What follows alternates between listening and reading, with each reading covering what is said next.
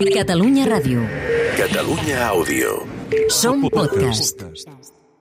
Sants i Estalvis, el programa d'hàbits saludables de Catalunya Ràdio, amb Adam Martín. Hola, què tal? Segons les enquestes, un de cada cinc catalans i catalanes fa dieta de manera habitual, potser tu ets una d'aquestes persones, i 9 de cada 10 reconeix haver seguit una dieta en algun moment de la seva vida. Per tant, pràcticament tots els que estem fent i escoltant aquest programa. Més dades. 8 de cada 10 dietes fracassen, el 80%. Això vol dir que mai podrem perdre pes? En què ens equivoquem quan seguim una dieta? Avui repassarem els errors més comuns que fem a l'hora d'intentar perdre pes. Per tant, la primera pregunta és si les dietes no funcionen, què hem de fer si volem perdre pes? D'entrada, el primer consell i el consell més important és oblidar-nos de fer dieta. No cal fer dieta. Els estudis ens diuen que les dietes funcionen a curt termini, però que no es poden sostenir en el temps i que quan les abandonem tornem a ser on érem o segurament pitjor, és aquell temut efecte rebot. Segons un estudi publicat pel British Medical Journal que analitzava les 14 dietes més populars, paleo, dejun intermitent, Atkins, hiperproteica, és a dir, totes aquelles dietes amb cognom, com diria el dietista nutricionista Julio Basulto, en la majoria de casos els beneficis no duren més d'un any. L'estudi no és cap broma perquè es va fer amb 22.000 persones que seguien, com dèiem, una d'aquestes 14 dietes més populars. En traiem dues idees d'aquest estudi. La primera, que al cap de sis mesos les persones havien perdut de mitjana 4 quilos i mig. Fos quina fos la dieta escollida. D'entrada dius, ah, que bé. I encara millor, la majoria van millorar els paràmetres de colesterol i pressió sanguínia. Per tant, seguint la dieta que seguim, a curt termini abaixem pes, que és un objectiu, i l'altre és que ens milloren determinats paràmetres corporals. Molt bé. Però, segon element i segona idea, no van poder mantenir la dieta i els beneficis van desaparèixer al cap de 12 mesos. Què ens diu tot això? Doncs que l'única dieta que realment funciona és aquella que és sostenible en el temps. I per aconseguir-ho, hem de canviar algunes de les idees que tenim equivocades sobre el que significa realment fer dieta i evitar caure en aquests errors. Quins són aquests errors? Des del meu punt de vista, són uns nou aproximadament. Primer,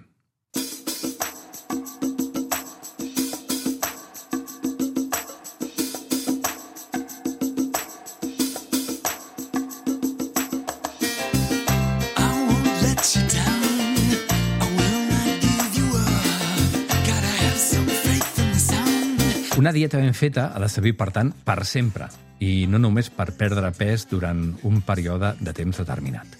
Això no vol dir que puguem fer coses puntuals, però en general, quan pensem en perdre pes, hem de pensar a llarg termini. Ens ho hem de plantejar per sempre.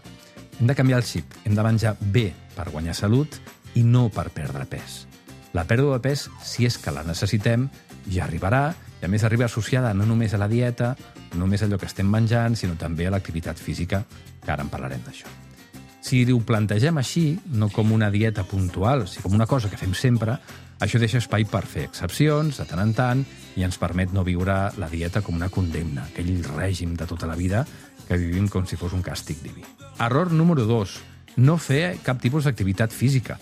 L'activitat física, de nou, si parlem i si pensem en salut, és el complement perfecte per tenir salut i per la dieta. Ens ajuda a millorar la composició corporal i a millorar infinitat de paràmetres de salut. Quan parlem de composició corporal, de què estem parlant? Quina seria la ideal? Doncs una on hi hagi una ràtio, una relació equilibrada, proporcionada, de greix i de massa muscular. Fer exercici cardiovascular és important, però no hem de menys tenir els exercicis de força, per exemple, les peses o el treball amb el propi pes corporal. Hem de combinar les dues coses. De fet, l'ideal seria fer dos o tres dies d'exercici de força i la resta fer exercici cardiovascular. Quan parlem d'exercici cardiovascular, no només parlem de córrer, o d'anar en bicicleta, o de nedar, o de fer exercicis extenuants, sinó que senzillament també estem parlant de ser actius, sinó que senzillament també estem parlant de ser actius, de caminar, de caminar cada dia, de caminar cada dia aproximadament uns 50-60 minuts que no cal que siguin de cop, els podem distribuir al llarg del dia fent 20 minuts ara, 20 minuts a l'hora de dinar, 20 minuts a la tarda o al vespre. Tot això ens ajuda a tenir una salut general molt millor i ens ajuda a perdre greix amb més eh, rapidesa. Pel que fa als exercicis de força, és una cosa a la, qual, a la qual hem dedicat algun programa, tots els estudis ens diuen que els exercicis de força, és a dir, quan estimulem el múscul d'una manera intensa, estem contribuint a la salut general del cos. Per exemple, entre moltes altres coses que passen, millorem l'absorció de calci als ossos, millorem la sensibilitat a la insulina, millorem com cremem els greixos, com els fem servir com a substat energètic, evitem o reduïm la possibilitat de tenir càncer, i això només gràcies als exercicis de força. Hi ha estudis, per exemple, tal Pedersen, que ens va explicar que quan els músculs treballen de manera intensa, funcionen pràcticament com a òrgans endocrins, és a dir, que secreten hormones que són beneficioses per la salut. Per tant, que no us espanti fer exercici de força i el complementem amb fer activitat física de tipus cardiovascular. Sants i Estalvis, el programa de Catalunya Ràdio que et cuida.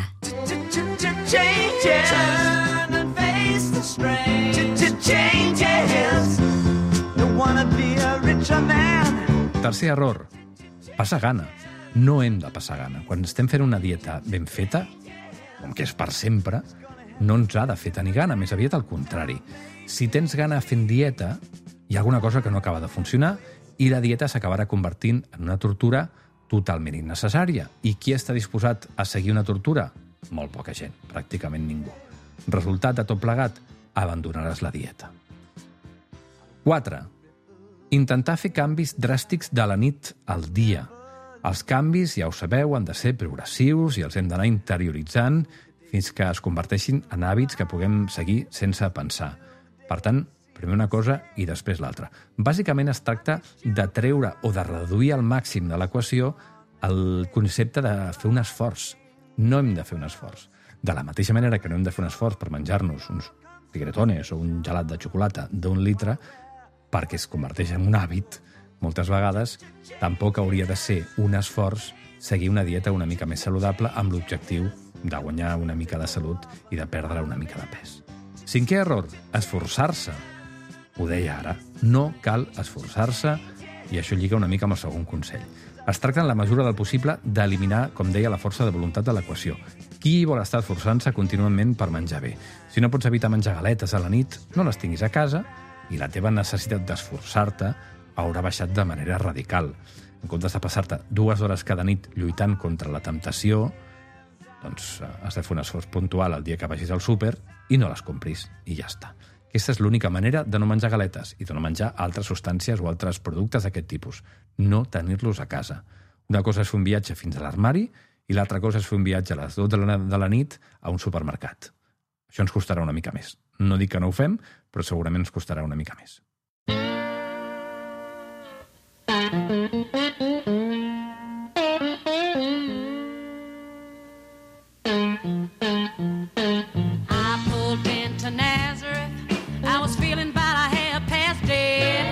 Sisè error, pesar-nos massa sovint. És veritat que el pes és un, un bon indicador, però no ens dona tota la informació. Per exemple, podem perdre greix i guanyar múscul i acabarem pesant més. La bàscula reflectirà més pes, però tindrem un aspecte més prim. O podem perdre múscul i no greix i acabarem pesant menys, però no estarem sants. El pes és un element més, així que és millor no obsessionar-nos per aquesta qüestió. Moltes vegades, quan comencem a fer una dieta, sobretot aquelles dietes que el que fan és reduir o eliminar els hidrats de carboni, en dos, en qüestió de dos o tres dies, perdem dos o tres quilos ràpidament. I dius, uau, que bé que va això. Aquesta pèrdua de pes és falsa perquè estem perdent tota aquella aigua que tenim emmagatzemada a dins dels músculs. Per cada gram de glucosa que tenim guardat al múscul, hi ha més o menys dos o tres grams d'aigua associats. Per tant, si deixem de menjar hidrats, els músculs esgoten els hidrats i ens quedem sense aigua. Per això perdem pes. Però és un pes que és totalment irrelevant. 7. Buscar pèrdues de pes massa ràpides. Les millors dietes, és a dir, la no dieta, és aquella que promou una pèrdua de pes lenta i gradual, d'entre 500 i 800 grams a la setmana com a màxim. Si perdem més pes, és bastant probable que quan deixem la dieta arribi a l'efecte rebot. En general, una pèrdua superior d'un quilo a la setmana només és recomanable per a persones amb obesitat de, de risc o esportistes que estan seguint un estricte control d'un professional, que, per cert, eh, no són gaires. A banda que si perdem pes tan ràpid vol dir que no estem perdent només greix, sinó que és bastant probable que també estiguem perdent massa muscular, cosa que no ens interessa. L'ideal seria preservar la massa muscular o pèrdua poqueta massa muscular i perdre sobretot greix. Aquesta és una pèrdua de pes o un canvi en la composició corporal que és molt més interessant. Número 8. No podem fiar-ho tot a les calories. Per aprimar-nos és molt important que entrem en dèficit calòric, això és cert, però les calories no són, ni molt menys, el més important, a banda que és molt difícil portar un control estricte, exacte, científic de quantes calories ingerim al llarg del dia. Pensar només en calories, a més a més, ens pot també portar a menjar productes ultraprocessats, que són baixos en calories, però que en canvi no són sants, com per exemple alguns productes light, o ens pot portar a evitar menjar productes que són molt sants, però que són molt rics en calories, com per exemple l'oli l'oliva verge extra, l'alvocat o la fruita seca. Per tant, per repetir el concepte, és important que entrem en dèficit calòric, però que ho fem, en la mesura del possible, menjant aliments de veritat i oblidant-nos una mica també del total de les calories i aconseguir aquest dèficit intentant combinar l'exercici físic amb la pèrdua de pes a través de l'alimentació. Últim, no menjar prou nutrients. És el típic cas de per sopar menjo una amanideta perquè estic a dieta. Una amanida quatre trossos d'enciam i mig tomàquet i para de comptar.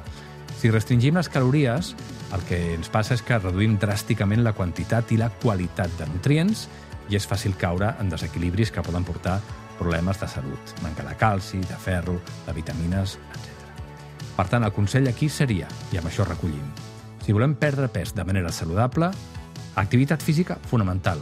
No fer dieta, sinó fer una, seguir una pauta alimentària saludable per tota la vida. Podem exagerar-la una miqueta més en moments puntuals si volem accelerar la pèrdua de pes, però és molt important que allò que estem fent serveixi per sempre.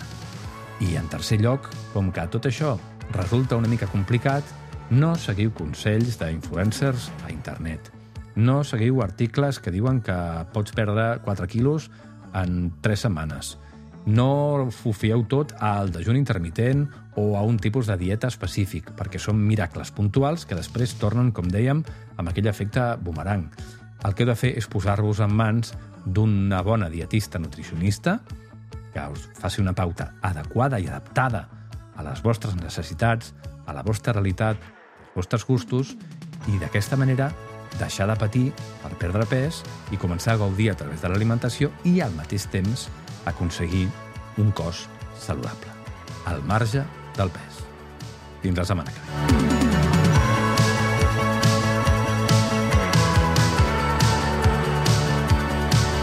Sants i Estalvis, el programa d'hàbits saludables de Catalunya Ràdio. Amb Adam Martín. Catalunya Ràdio. Catalunya Àudio. Som podcast.